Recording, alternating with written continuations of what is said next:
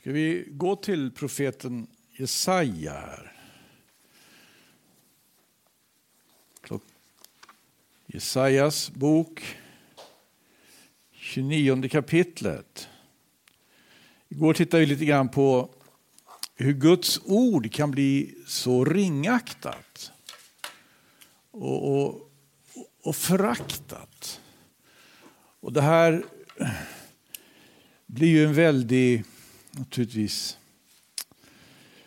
eh, ja, det, det, kan ju nästan framstå som en gåta. Med, med, med fingret här i Jesaja 29 så tittar vi tillbaka också till det vi läste i Jeremias kapitel 36 vers. Hur Jeremia fick i uppdrag att tala men han sände Baruk. Och Baruk fick läsa upp vad Jeremia hade dikterat. Och det här innebar att det väckte en viss eh, ja, de, de faktiskt blev förskräckta, står det, när Baruk läste. Det står, han läste ju upp för förstarna i Jerusalem. Och de sa till honom, står det i femtonde versen, sätt dig ner och läs ur bokrullen här inför oss. Och Baruk läste inför dem. När de då hörde allt som stod där såg de med förskräckelse på varandra och sa till Baruk, vi måste omtala för konungen allt som står här. Och det frågade Baruk och sa, tala om för oss hur det skedde att du efter hans diktamen tecknade upp allt detta. Baruk svarade dem, han dikterade för mig, alltså Jeremia dikterade för Baruk, allt detta och jag tecknade upp det i boken med bläck. Då sa förstarna till Baruk, gå och göm dig, du jämte Jeremia, och låt ingen veta var ni är. Därefter, sedan de hade lämnat rullen i förvar i sekreteraren Elisamas kammare, gick de in till konungen på förgården och omtalade så allt för konungen. Då sände konungen Jehudi och hämtade rullen. Och denne hämtade den från sekreteraren Elisamas kammare. Sedan läste Jehudi upp den inför konungen och inför alla furstarna som stod omkring honom. Konungen bodde då i vinterhuset, det var den nionde månaden och kolpannan stod påtänd framför honom. Och så ofta Jehudi hade läst tre eller fyra spalter skar han av rullen med pennkniven och kastade stycket på elden i kolpannan. Ända till dess att hela rullen var förtärd av elden i kolpannan. Och varken konungen själv eller någon av hans tjänare blev förskräckt eller rev sönder sina, sina kläder när de hörde allt detta som upplästes. Till skillnad från förstarna alltså, som han hade läst upp det här för tidigare, så blev vare sig konungen eller de som var där hos honom förskräckta. Eh, han brände upp alltsammans. Guds ord Eh, gjorde alltså ett visst intryck då på några av dem. På andra inte. Och det här är ju eh, verkligen väldigt talande kanske för hur även om, ja, men vi vet att det har hänt i senare tider också. Man bränt biblar och konfiskerat biblar. Och ett land kan hamna under en sådan regim. Men det finns även andra sätt att reagera på som definitivt är tveksamma, om inte riktigt förkastliga. Och Jesaja skriver i Jesajas bok då, i kapitel 29. Ve dig, Ariel, Ariel, du stad där David slog upp sitt läger. Lägg år till år och låt högtiderna fullborda sitt kretslopp. så ska jag bringa Ariel i trångmål. Jämmer ska följa på jämmer och då blir det för mig ett verkligt Ariel. Vad är det här för någonting? Ariel, det är just staden Jerusalem. Där det fanns sådana furstar och en sån konung. Eh, om inte på Jesajas tid så i alla fall under Jeremias tid. Men det, det var i alla fall något som hade börjat under Jesajas tid. Eftersom Jesaja uttalar detta. Ve. Ve över denna stad som har fått höra så mycket från Gud men som inte har tagit vara på det. Och låt högtiderna fullborda sitt kretslopp. Det är ett mycket intressant uttryck. Det, det talar ju om alltså hur, hur gudstjänstlivet var uppbyggt. Det var ju meningen att judarna skulle församlas vid bestämda tidpunkter. Och Det här eh, stadgade ju Mose om. Om vi går till Andra Moseboks 23 kapitel.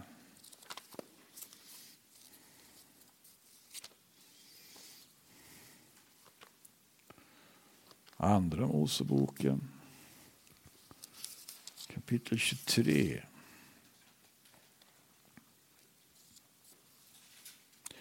Det står så här där va? i fjortonde versen. Tre gånger om året ska du hålla högtid åt mig. Det osyrade brödets högtid ska du hålla i sju dagar. Ska du äta osyrat bröd så som jag har bjudit dig på den bestämda tiden i månaden Abib. Eftersom du då drog ut ur Egypten men med tomma händer ska ingen träda fram inför mitt ansikte. Du ska kolla skördehögtiden när du skördar förstlingen av ditt arbete, av det du har sått på marken. Bärgningshögtiden ska du också hålla vid årets utgång. När du inbärgar frukten av ditt arbete från marken. Tre gånger om året skall allt ditt mankön träda fram inför Herrens, din Guds ansikte. Det här är alltså högtiderna. Och i och med att åren gick då så kom ju också högtiderna att fullborda sitt lopp år efter år. Lägg år till år. Låt högtiderna fullborda sitt lopp. Lägg år till år. Den här ordningen som eh, rådde, rättare sagt skulle råda, var ju ägnad åt att det här folket skulle vara samlat, församlat omkring Herrens lag, omkring Guds eget ord, omkring gudstjänsten. Och eh, Men det här, här heter det eh, V ve. Därför att uppenbarligen så sker någonting. Istället för att, istället för att eh, det här eh, innebär ett församlande där Gud blir känd, där Guds ord blir trott och älskat, så sker någonting annat. Och det här kan vi läsa om i det tidigare kapitlet här i Jesaja, Jesaja kapitel 28.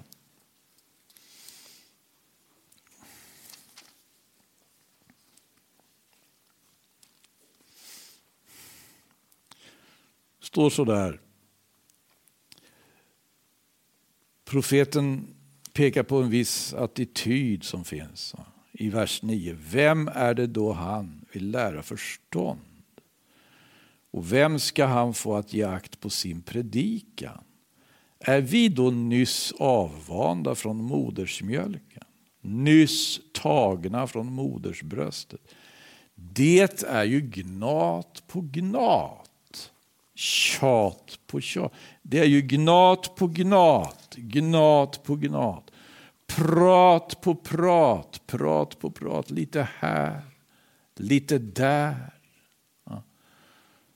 Så uppfattades det profetiska budskapet. Det är ju gnat på gnat. Gnat på gnat, prat på prat, prat på prat. Nu kommer fram ett, eh, liksom, här finns ett kollektivt uttryck då för förakt. Som vi läste om Jeremia, konungen på ett särskilt sätt representerade. Inte alla, men här finns det verkligen också representerat.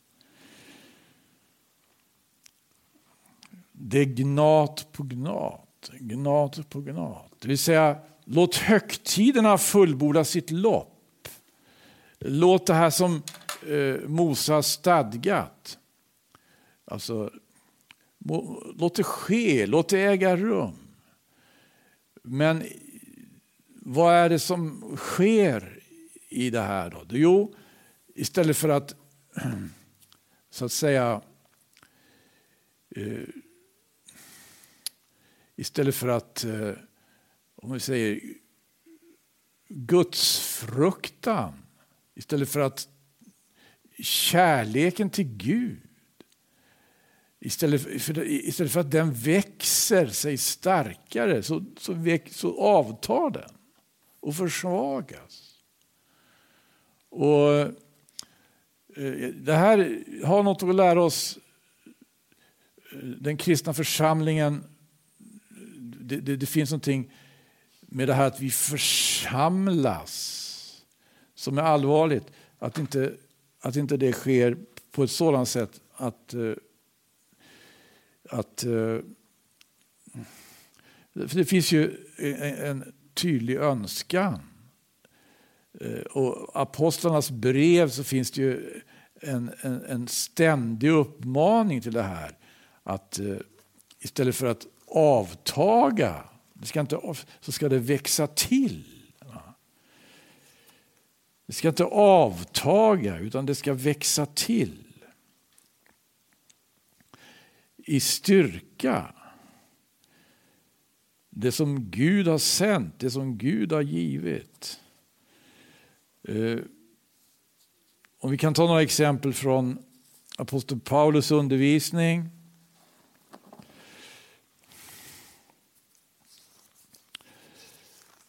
Exempelvis i första Korinthierbrevets elfte kapitel.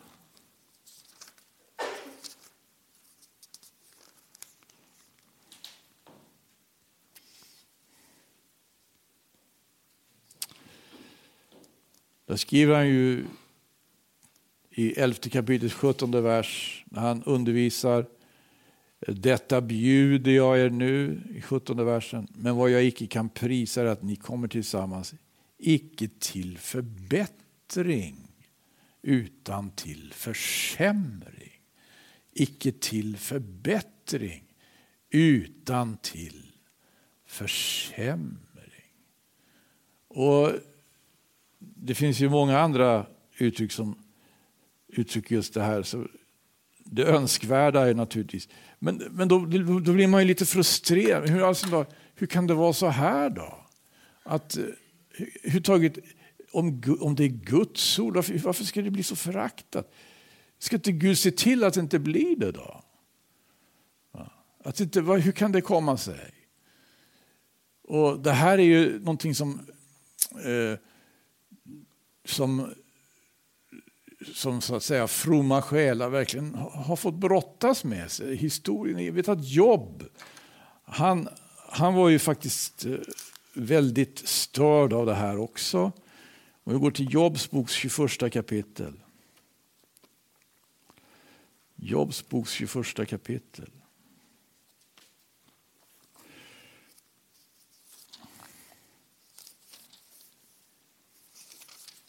Han argumenterar här, diskuterar med sina vänner.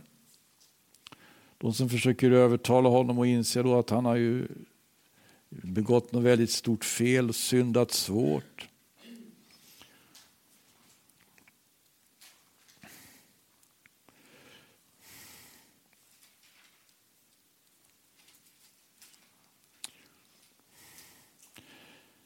Han, han klagar ju här över att de som föraktar Gud, det går ju så bra för dem. Va?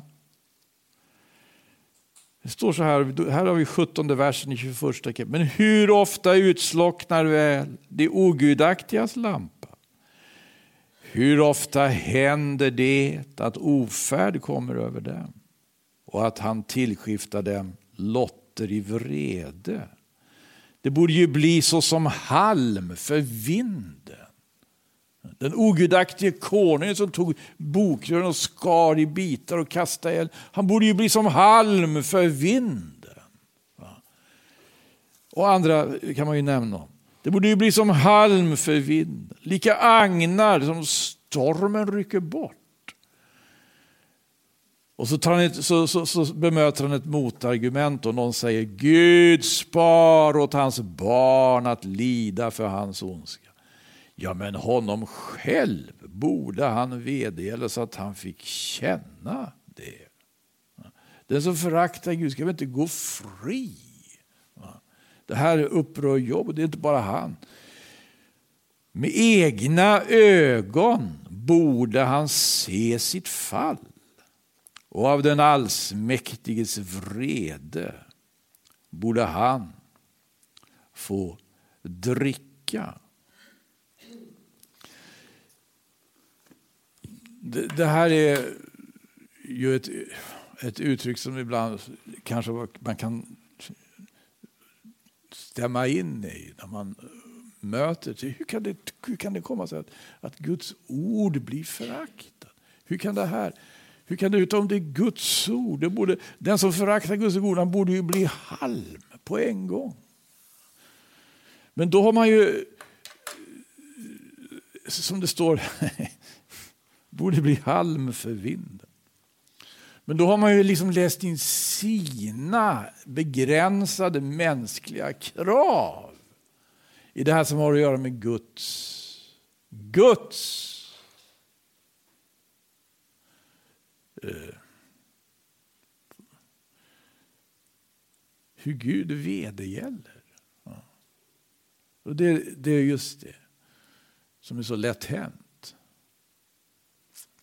Man, lä, man läser in sina egna mänskliga begränsade liksom krav.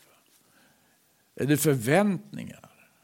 Men här har vi sett hur någon öppet föraktar Gud. Ska inte det på en gång smälla till? Då? Och så att, så att han lär sig och alla lär sig. Hur kan, hur kan, hur kan Guds ord, Guds eget ord framstår som så svagt? Det går bara att ta det och skära det i bitar och kasta det på elden. Men du, eh,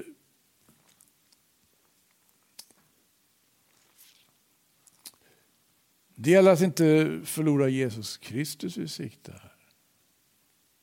Vem, vem av hans lärjungar hade tänkt att han skulle kunna korsfästas? Att han skulle kunna på det viset som det skedde. Förödmjukas. Föras.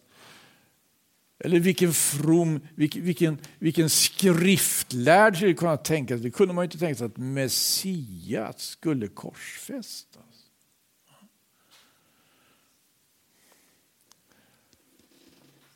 Här, här är ju eh, här är ju aposteln Petrus ord också värt att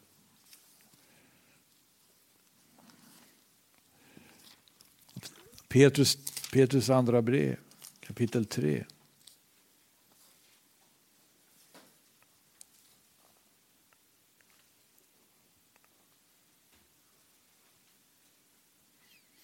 Jag tror jag läser hela sammanhanget här från, från tionde versen i andra kapitlet, i andra Petrus brev, tredje Andra Petrus brev tredje kapitel från vers 10, där några vers.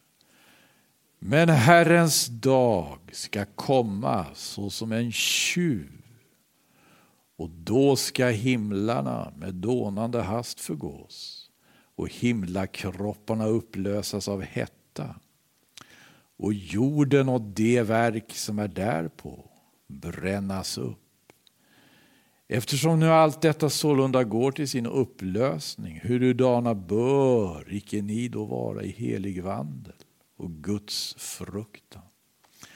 Medan ni förbidar och påskyndar Guds dags tillkommelse, varigenom himlar ska upplösas av eld och himlakroppar smälta av hetta. Men nya himlar och en ny jord där rättfärdighet bor förbidar vi efter hans löfte. Därför, mina älskade, eftersom ni förbidar detta ska ni med all flit sörja för att ni må för honom befinnas vara obefläckade och ostraffliga i frid. Och ni ska hålla, det var det här jag tänkte på, och ni ska hålla före att vår Herres långmodighet länder till frälsning. Så som och vår älskade broder Paulus har skrivit till er från mig här, efter den vishet som har blivit honom given. Vår Herres långmodighet. Då finns inga mänskliga krav eller mänskliga anspråk eller förväntningar eller synpunkter. Men de står det. Och det är just det här som är så...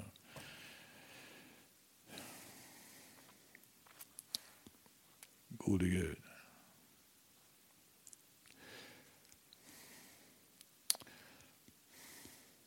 Låt högtiderna fullborda sitt lopp.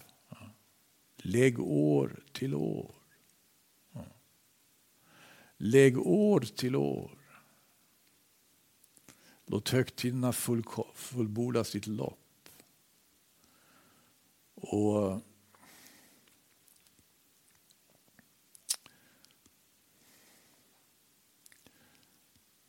att, att det, det är ägnat åt att vi ska lära känna honom mer och mer. Har vi, har vi förnummit vem, vem han är? Har vi förnummit vem han är? Gud vill bli förnummen. Han vill, han vill bli känd. Och Det är klart att det är ett uttryck för att man definitivt inte känner Gud när man skär bokrullen i bitar och kastar den på elden.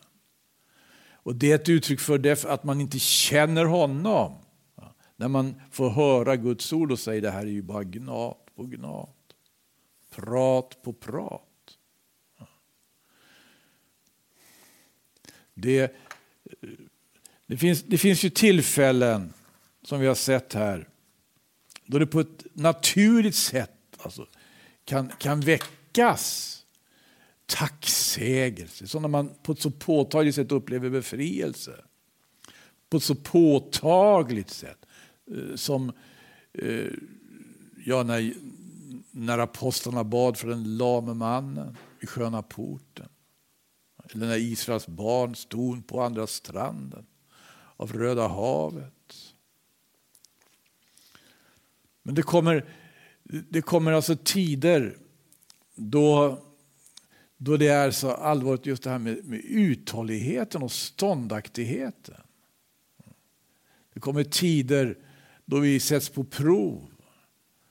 Då, då inte det kanske är de omedelbara upplevelserna längre. Utan det är det här att det, det som det, det började med, den första församlingen att de förblev i apostlarnas undervisning, i brödragemenskapen, i brödsbrytelsen och bönerna. Det står att de förblev i det. Det var, bara, det var inte bara att de talade tungor och prisade Gud och var med om härliga saker. Det var någonting som de förblev i. De förblev i. Jesus själv talar om att förbliva. Att förbliva i honom. Förbliva i honom på ett sådant sätt att vi lär känna honom mer och mer. Att eh,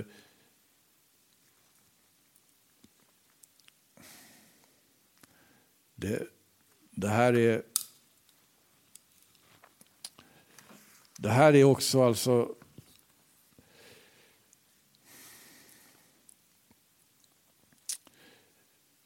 en prövosten. Va? För om en församling, tror jag, om en församling ska utvecklas på ett sunt sätt och verkligen vara en församling och, bli, och förbliva det. Eller om det ska bli en sekt.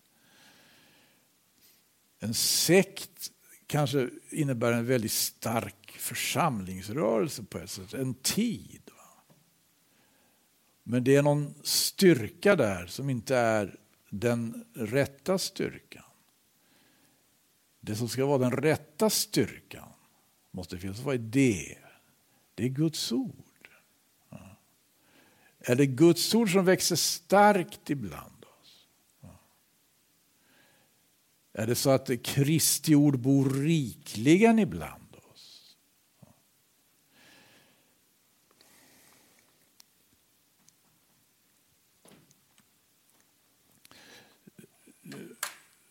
Det beror faktiskt en hel del på oss, huruvida vi tar det här ordet på allvar. Att, att någon kan ta Bibeln och skära i bitar och kasta på elden. Det, det bär ju på sätt och vis sitt vittnesbörd att Gud vill inte ha någon sekt. Han vill ju ha en, en församling, han vill ha ett folk där hans ord är älskat och trott. Och där ordet har fått växa i så att säga styrka. Därför att det verkligen blir taget på största allvar, inte framtvingat på något vis. Utan eh,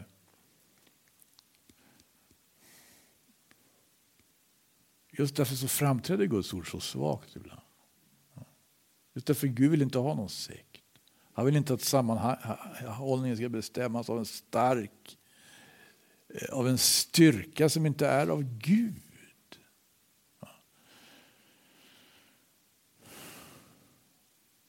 Men halleluja, då vi får lära känna honom.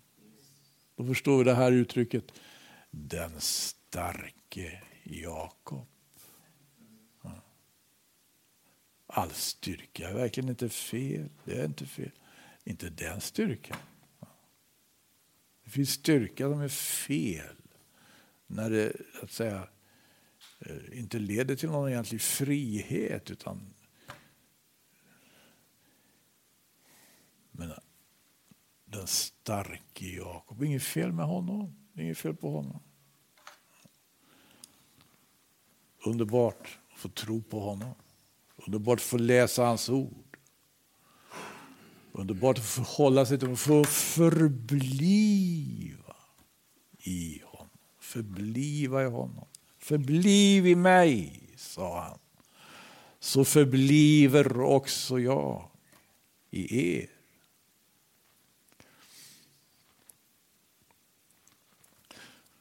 Och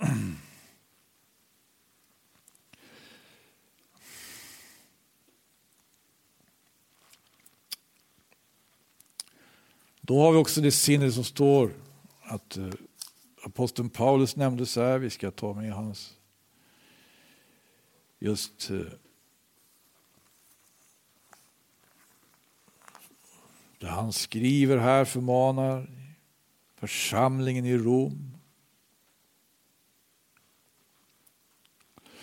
Församlingen i Rom får veta det här. Och därför får vi också veta det därför att det finns med i Nya Testamentet. Romarbrevets 12 kapitel 19 vers. Hämnas icke er själva mina älskade utan lämna rum för vredesdomen.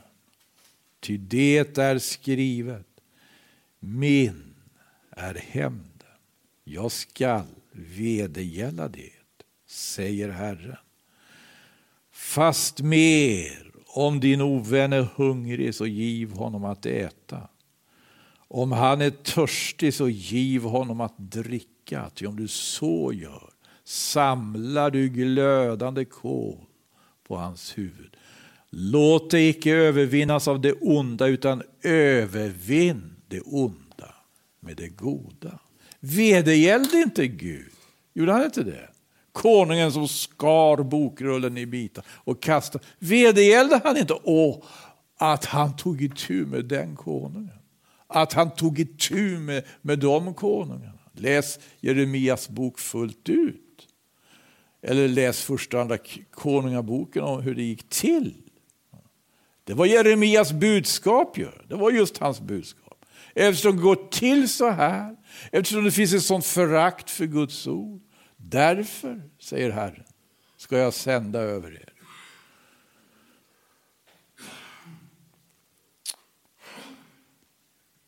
Nebukadnessar, konungen i Babel. Det var, var Hesekiel också. Fick, fick profetera om. Hur, hur, hur, hur Nebukadnessar kommer över.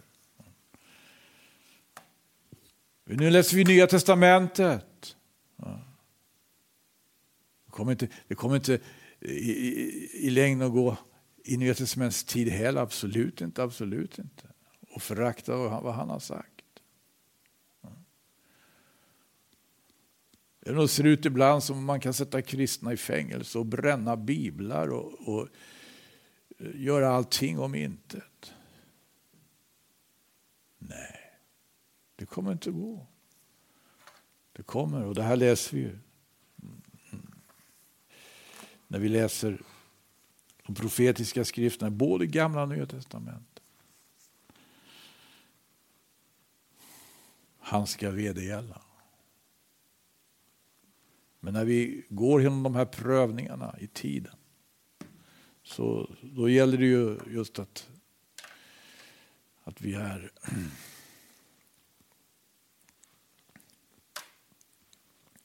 uppmärksamma och vaksamma. Att församlandet icke sker till försämring utan till förbättring. Vad kan vi göra för, för att det ska ske? För att det ska gå så? För, vad kan vi göra för att inte det...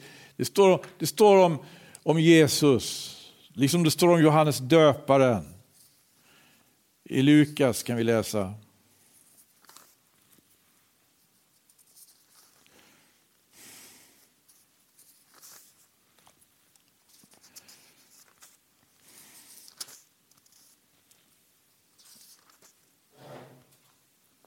Jag läser om Jesus själv här.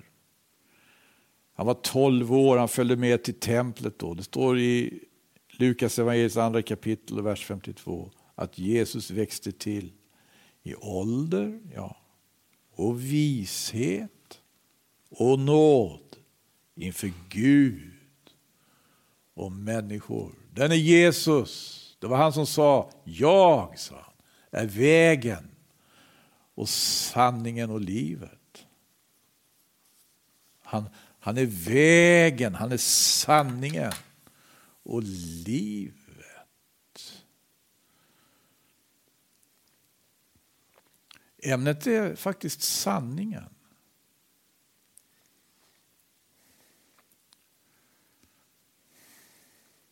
Och det är att vi inte tappar bort sanningen. Jag har studerat lite, jag tittade lite på, på just det här. Frågan om sanningen. I Bibeln, sanningen i Bibeln. Mm. Så har jag lagt märke till någonting. Det står sällan, som vi tycker om att använda sådana uttryck ibland, som den stora sanningen. Eller den härliga sanningen.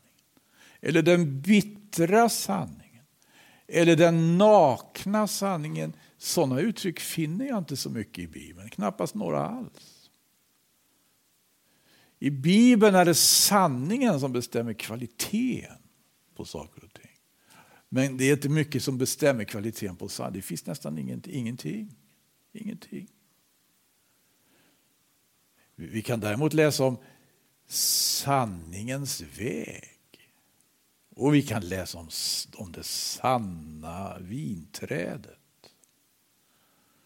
Jag tyckte, det finns inte så, sådana uttryck som exempelvis att nå, på något sätt eh, bestämma sanningens kvalitet. Nej. I Bibeln är det sanningen som bestämmer kvaliteten. Sanningen bestämmer kvaliteten. Och sanningen håsas vare sig upp eller, eller, eller, eller dras ner i när, när, när vi... Det står sanningen. Aposteln Paulus skriver till Galaterna om det här att vara i tjänst för sanningen. Eller som aposteln Johannes skriver, medarbetare till att främja sanningen. Vilken sanning? Den stora sanningen? Nej. Den härliga sanningen? Nej. Den nakna sanningen? Nej. Den bittra sanningen? Nej, inte det heller. Sanningen är inte bitter. Det är möjligen så att vi är, blir bittra när vi får höra. Så var det tydligen i Galatien, då var det nära på att de blev bittra där på Paulus. Då blev hans ovänner. Så har jag, skriver han till dem. Därmed har jag blivit er, ov, har jag blivit er ovän därigenom att jag säger er sanningen. Och det här alltså inom,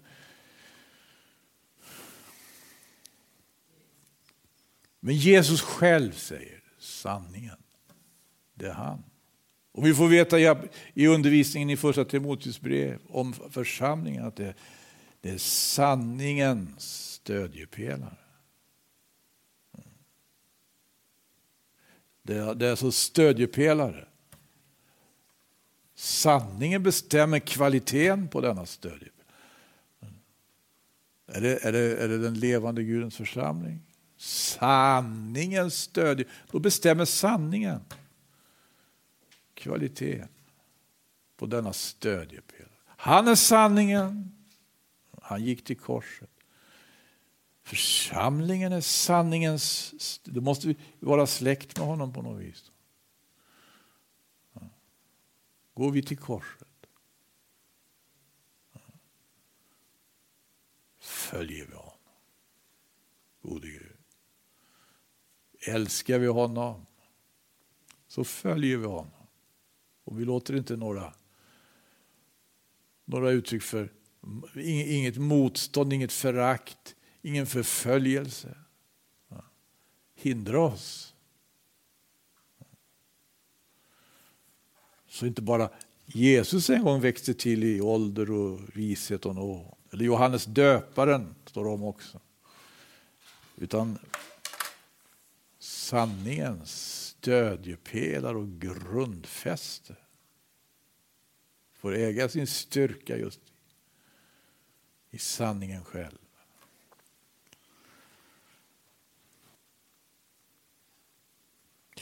Ska vi tala med Herren?